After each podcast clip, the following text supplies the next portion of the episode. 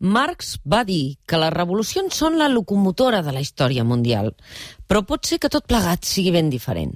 Pot ser que les revolucions siguin l'acte mitjançant el qual la humanitat que viatja en aquest tren acciona els frens d'emergència. Michael Lowy, a Walter Benjamin, Avís d'incendi, 2004. El racó de pensar. Un moment, no ens precipitem, primer pensem. Un moment, no ens precipitem, primer pensem. Jo pense... Assemblea Digital del racó de pensar. Xavier Antic, molt bon dia. Hola, molt bon dia, Mònica. David Fernández, molt bon dia. Bon dia. La vostra mona de Pasqua és el racó de pensar. Què més voleu? Es, es... Escolta'm, de Molt bé, una mona per compartir. Exacte. La com... amb, amb, amb, amb cara d'egipci, ulls de zoom, dits de Skype i, i ànima de cantir. I, I tocant fusta que no falli res, que portem un matí un matí divertit amb les connexions. Uh, David Fernández i Xavier Antic, de què parlareu avui? Ui, Del demà. del demà. Del demà. Del demà, del demà Del passat. demà... De, bueno, de- d'avui, que ja és demà, i del demà que ja es prefigura, es configura o es desfigura tal com, tal com estan les coses. O sigui que parlarem del després del després. Avui... Però tot això sense ser profetes, eh, Mònica? Val, és molt important, eh? Que ningú es pensi que ho, en, que ho encertareu 100%, eh? I què heu No, triat al per contrari. parlar-ne? Què heu triat per parlar-ne? Doncs, a veure com ho diem això. Eh, seguint les teves precises ordres, Oh, quins collons. Ai, I perdó. que avui tocava... Sí, no, que triava, te, tocava triar mm, els mots eh, de futur, els mots que, que se sovintegen aquests dies, però amb un prec molt raonable i raonat i racional ens vas dir que no siguin 20, a poder ser parlem de, de tres o quatre conceptes Sí. i, i no embussem el camí, el camí que hem de fer. Ah, exacte. Només diré una cosa en aquest racó de pensar i després seran en Xavier Antic i en David Fernández qui us expliquin el que volien dir, però eh, passa que aquests dies tenim molts inputs, molts, moltes reflexions que ens arriben, molt intel·ligents, que ens ajuden a pensar en aquest demà, eh, però deia que també els qui sou a casa, que esteu en aquest confinament, Uh, és important que aquella informació que us arriba a través de nosaltres us ajudi, i us ajudi eh, també amb conceptes que, que siguin el màxim de digeribles possibles. És l'únic que els hi vaig demanar, és l'únic. I ara ho faran perfecte. Oi que sí, David? Uh, no, no, no, perquè com diria... Ho intentarem, però com diria el Hackmore, una frase que ens agrada molt, la perfecció és feixista, anem a dir-ho així. Ah, d'acord, vinga. Pum! Primera en la frente. Adelante. Escolta, quins... No, jo crec que està, qui- està molt bé el que deia el Xavi, eh, que jo crec que el, el primer punt de partida és que no ho sabem. És a dir, no sabem com serà el demà i, per tant, ni varetes màgiques i preferim pensar i equivocar-nos que, que no pensar. No?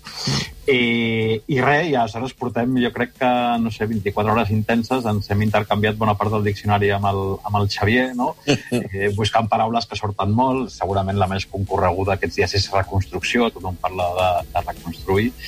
Eh, havíem fet unes quantes, el Xavi amb, amb molt, bon, molt, molt bon criteri, començant per fraternitat, que seria una paraula clau, i eh, per començar ens hem anat a una cosa antiga, hem sigut molt poc originals i ens hem anat al lema de la Revolució Francesa, allò del fraternitat, llibertat, eh, igualtat, recuperant una frase que deia ahir el Ken Loach, que deia eh, sabeu que he vist amb els anys que sempre estem lluitant les mateixes batalles una i altra vegada i cop rere cop. És tot sisífic.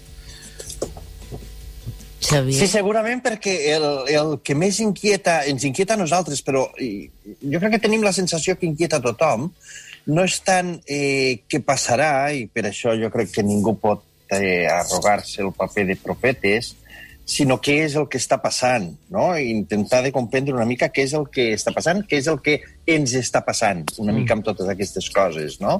I per això tampoc no estava malament quan posàvem una mica nocions sobre la taula, que podríem haver triat moltes de les que aquests dies segurament utilitzem per definir el que ens passa, no? Vulnerabilitat, incertesa, etc. Pensàvem que aquelles que una mica eh, més ens empenyen a intentar comprendre el que hi ha, com sempre, pensant en endavant, eren aquests tres elements poderosos, no? de la fraternitat, de l'experiència de la solidaritat, de l'experiència de la comprensió, de l'experiència de, del dolor que causa la gent que està patint, que no pot acompanyar els seus, que no pot acompanyar la malaltia, etc etc. També la de l'experiència de la llibertat, com allò que veiem més directament amenaçat, no? en aquesta mena de, de sospita de que s'està tractant la crisi sanitària en termes de seguretat nacional, no? i que estem veient que qui dona instruccions, rodes de premsa, i que són els únics que estan ocupant el carrer són militars, forces d'ordre públic, uh -huh. etc. I després allò que ja endevinem, sense ser profetes, que estaven malament en termes d'igualtat i tot fa preveure que encara sigui pitjor. Mm. Em semblava una mica que eh, eh, no ho van fer a priori, de dir recuperem el lema de la Revolució Francesa, sinó que ens adonàvem que efectivament la batalla per la fraternitat, per la llibertat i per la igualtat defineixen una mica allò que segurament encara ens manté d'en peus mm. i ens manté drets, no? Mm. Que és l'experiència positiva de que, tot i la duresa de la situació, potser estem en condicions de, amb aquestes armes tan extraordinàriament poderoses, de fer front a aquest desconcert, mm. no?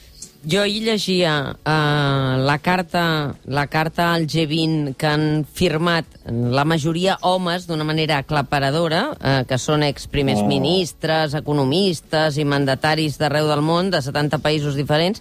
Jo, tots són homes, pràcticament, els que firmen aquest escrit, i acaba dient que hem de ser tots conscients que després d'això s'ha de reformular i repensar el sistema públic, de salut i econòmic. I tots són responsables que han tingut la capacitat eh, de fer-ho eh, fins ara i no ho han fet.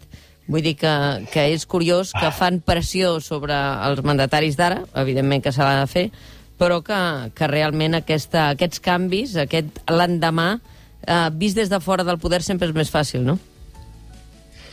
A mi em venen al cap dues, eh, dues reflexions immediates ahir quan, quan ens vas dir mireu la carta que surt. Mm. La primera és que qui va fer el... qui ha fet el malalt global ara partem vendre a l'hospital, no? I a mi sembla una mostra... O sigui, ara, ara demanar eh, que, que es condoni el deute dels països empobrits perquè tinguin sistemes sanitaris quan és la deutacràcia i el sistema de Bretton Woods, endeutament dels països empobrits, el que ha fet que no tinguin sistemes eh, sanitaris públics eh, i robustos, no? Mm. Em sembla... Eh, bueno, excusatio non petita, accusatio manifesta, no? Però, eh, I l'altra és eh, allò que la història sempre repeteix, a vegades com a tragèdia, a vegades com a comèdia, això ja ens ho van dir el 2009, quan deien que cal refundar el capitalisme, i ahir eh, el Manuel Pérez a La Vanguardia ho recordava, no? I, no? Es deia s'ha de refundar el capitalisme i donar-li rostre humà, deia aleshores, si no, si no recordo malament, eh, Sarkozy i es va fer tot el contrari. En uh -huh. comptes de refundar, es va, es va refundir, no?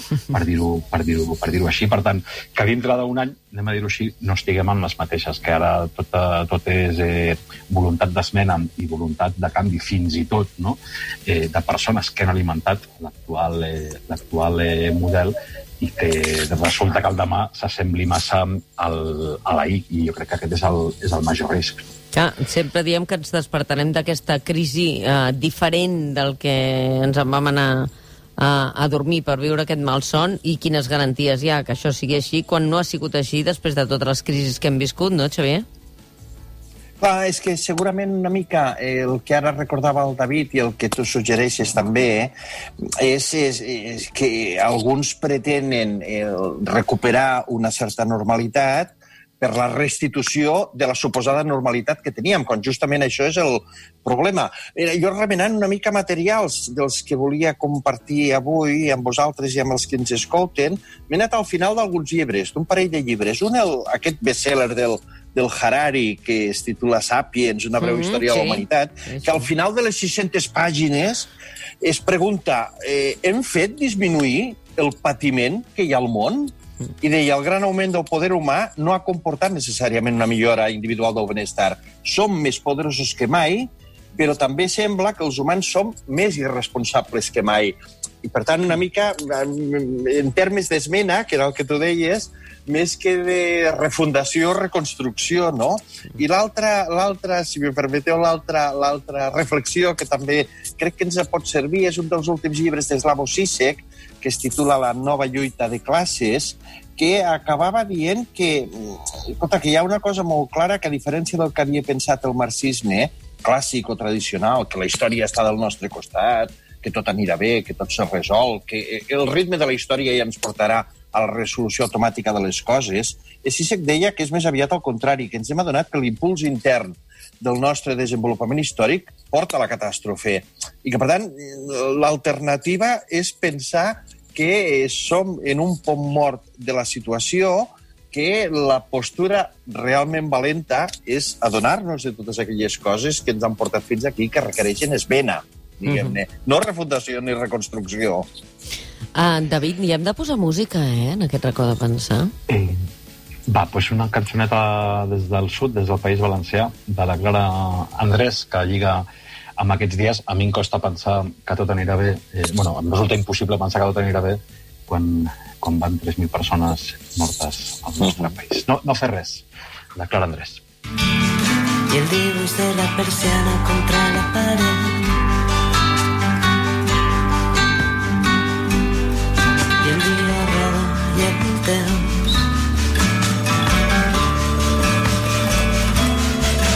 Pensé com fer el pastel quants dies més sense fer i estar uns quants dies més sense fer res.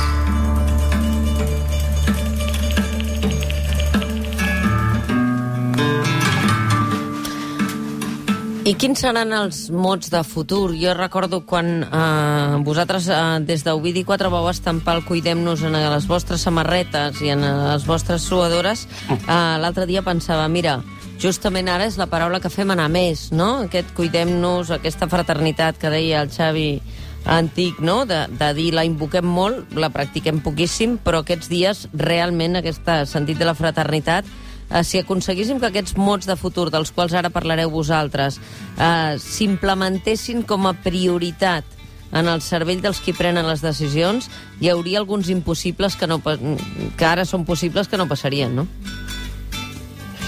Eh, sí, jo diria, eh, citant un amic d'aquesta casa, d'aquest racó, que és en, en Josep Maria Esquirol, quan deia no hem de dir cuida't. L'entrevistaré dilluns, David Fernández. Perfecte. L'he convocat. L'he convocat. L'he convocat. Perfecte doncs és, és, és una bona notícia en aquests temps que es casegen. Eh, I l'altre sobre els mots de, de futur. Ahir quan fèiem la llista van sortir molts. Eh, sí, públic, ha sortit moltíssim el concepte públic, eh, davant, no? o, o comú davant el concepte de privat, militarització, desmilitarització, feminisme o patriarcat, ecologia davant del col·lapse, cooperació competència, egoisme, solidaritat, però el Xavi, eh, en la tria inicial, va triar tres, que era fraternitat, seguretat desigualtat. Per igualtat. I, Desigualtat per igualtat, no? Sí, exacte, sí, sí, sí. I aquests tres conceptes, fraternitat, seguretat, desigualtat, i jo, eh, fent de Mònica Terribas, li diria al Xavi, per què? molt bé, molt bé, David. Complint ordres. Aquesta sí que era un ordre, que jo no hagués d'intervenir perquè si no es xafava cap dels dos. Per què, diu el David, Xavi? Molt bé, Mònica Fernández. No, no, jo, jo eh, eh la, el, són diferents, eh? El de la fraternitat és, ens llança cap endavant i és positiu, el de l'aposta per la igualtat és en contra de la desigualtat que vivim i la que endevinem que ve, i el de la seguretat és més aviat, eh, segurament, el, el nom del gran altre, eh? Que d'alguna manera ens amenaça. Jo per, la, per què els tres? Jo crec que el de la fraternitat és un dels grans valors de la modernitat que ens és més imprescindible que mai de recuperar, perquè és un projecte estroncat, està en l'arrel de la, de la revolució de la modernitat i ha estat sempre interromput. Jo em preguntava que la fraternitat segurament amb el que estem vivint aquests dies pren una nova, una nova forma. El cuidem-nos l'hem interpretat molt sovint amb aquest prestar atenció, amb aquest fins i tot tocar-nos, amb aquest contacte, amb aquestes abraçades que ara ens costa d'imaginar quan ens tornarem a donar. I, per tant, com podíem pensar en aquestes setmanes tan dures en termes fins i tot físics eh, de la fraternitat? I se m'acudia que més que a través del tacte i del contacte tenia a veure amb l'escolta, amb la capacitat d'obrir les orelles més que mai, aquelles veus que normalment no, no, no escoltem al mig de la cirollada de coses mm -hmm. i que amb la calma forçada en la que vivim i, i jo crec que aquí la ràdio, que bàsicament es escolta, esteu fent una feinada titànica i monumental té a veure amb aquesta capacitat no només de fer córrer veus que no són les que habitualment corre, corren, sinó ser capaços de mantenir aquesta apertura necessària per eh, viure, fins i tot, mm -hmm. dintre nostre aquestes coses que ens arriben a través de l'escolta, no? Sí. Jo crec que aquestes històries singulars, concretes, que ens diuen el que els passa, el que estan vivint, les dificultats amb les que es troben, no, ja que no podem fer el, el gest quasi immediat del cuidar-se, no? que és acollir-nos, donar-nos una abraçada, no? dir-nos tot anirà bé, té més aviat quasi bé l'imperatiu de l'escolta, que segurament és eh, la primera forma del respecte per la vida dels altres ara que estem obligats a mantenir-nos a distància, no? Doncs precisament... Segurament això és el... No? Perdona, perdona, Mònica. No, dic, precisament per això hem capgirat de dalt a baix aquest programa, no? Perquè eh, no volem donar una falsa idea de normalitat quan tot està capgirat i perquè escoltar vol dir escoltar aquells que en saben de les coses que estan passant eh, i també parar molt l'orella a veus diferents que habitualment, afortunadament, no han d'intervenir, no? Afortunadament, perquè no hem d'estar parlant d'aquestes coses. Però avui qui ens ajuda a pensar? Doncs eh, Sònia Moll. Cuida't, que si no et cuides tu, no ho farà ningú. Frases PowerPoint que sovint repetim sense adonar-nos del missatge que transmeten. Cuidar-se cadascú, individualment, per descomptat que és important. I l'autoestima i tot plegat, no ho nego. Però la segona part de la frase, eh, quina suposada veritat apela? Quins vol absolutament autònoms, individualistes, sense vincles? Al servei de qui o de què? Per quin motiu no hem de confiar en la potència del donar i del rebre, de la xarxa, de la tendresa i la cura, de la solidaritat i la protecció? Jo no vull el cuida't, que si no et cuides tu no ho farà ningú. Vull un cuida't i, si no pots, la societat serà prou solidària, sana, antiindividualista i compassiva per ser capaç de cuidar-te. I que ningú no s'hagi de sentir mai desprotegit i sol. Sònia Moll. Beneïda sigui la serp. Godall Edicions.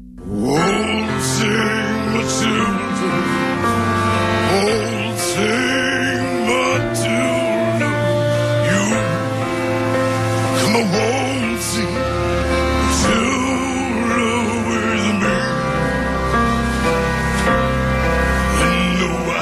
I ara creieu que hi ha un pla o no?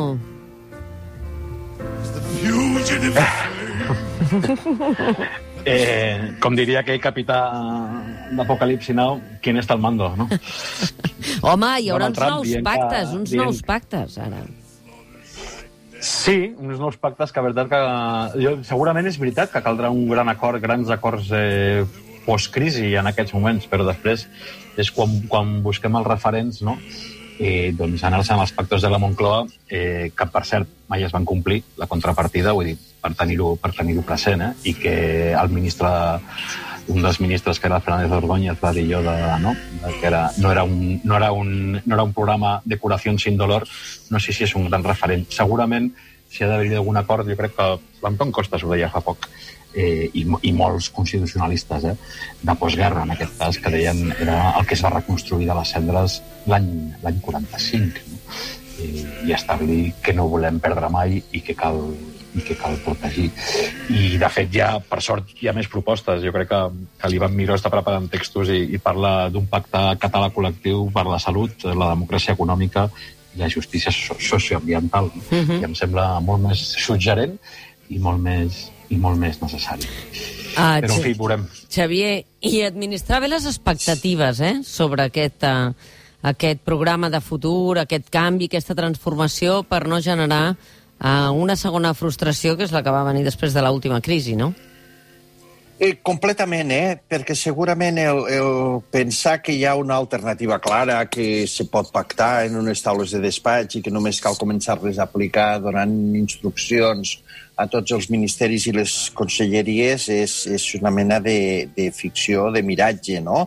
En realitat, el somni de que hi ha una alternativa, que ja està, només cal aplicar-la, jo crec que també és com una mena de fetitx, eh? que ens impedeix de reflexionar allò que dèiem abans, eh? el punt mort de la situació en la que ens trobem, que segurament passa eh, si hem d'aplicar una mica alguna de les moltes lliçons que ens estan donant metges, metgesses i sanitàries durant aquests dies, passa per alguna cosa tan simple com ser capaços d'analitzar els símptomes i connectar els símptomes del que està passant amb les causes que ho provoquen. I per això segurament no hi ha pla que no pugui passar per garantir i assegurar aquelles condicions bàsiques i necessàries, no? Per a la vida, per a la cura, per a salut, alimentació, habitatge, sanitat, educació... Una mica eh, el, el tornar a garantir aquell punt fonamental, no?, a partir del qual és possible de construir estructures que sostenguin la vida, no? Quan dic la vida, vull dir la vida en comú, la vida social, la vida col·lectiva. David. Jo crec que, a veure, eh, que el moment és el que és i, i està complicadet. Eh, I jo aspiro això, que tot el que estem pensant ara eh, no quedi en transitori, sinó que, que no ens oblidem mai. Jo crec que, que el canvi és... Eh, o sigui, la resistència és inevitable i que les coses han de canviar també, també és així. Si serà una transició ordenada, eh, racional i gradual, està per veure, jo crec que és, jo crec que és difícil, jo crec que el Xavi, quan ha triat avui la frase era molt oportuna no? quan, quan es parlava de la, de la revolució com una locomotora i en canvi contraposaven que precisament la revolució és saber posar els frens d'emergència. Eh, el canvi vindrà, jo crec que serà o, o bé de grat, no? o, o, bé, o bé per força, no? Uh -huh. I, i que hi ha batalles, com diria el Jerónimo, no? que cal desplegar, malgrat d'entrada semblin que estan absolutament, eh, absolutament perdudes. No? I jo crec que aquest és el, és el, és el dilema. Si l'haguessin de sintetitzar, jo diria que el futur és cooperativisme o, o Mad Max, no? O sigui, cooperació o Mad Max en aquella llei, llei de la selva eh, salvatge d'uns contra altres. I la cooperació precisament és el que ens permet no, fer junts el que no podríem fer sols. Doncs com que hem començat uh, parlant de revolucions, ens anirem sentint uh, la revolució Tracy Chapman. Us sembla bé? Ja sembla magnífic. Cuideu-vos molt. Una abraçada. I que us cuidi. Segur que sí. Vosaltres també, Mònica. Adeu. Wasting time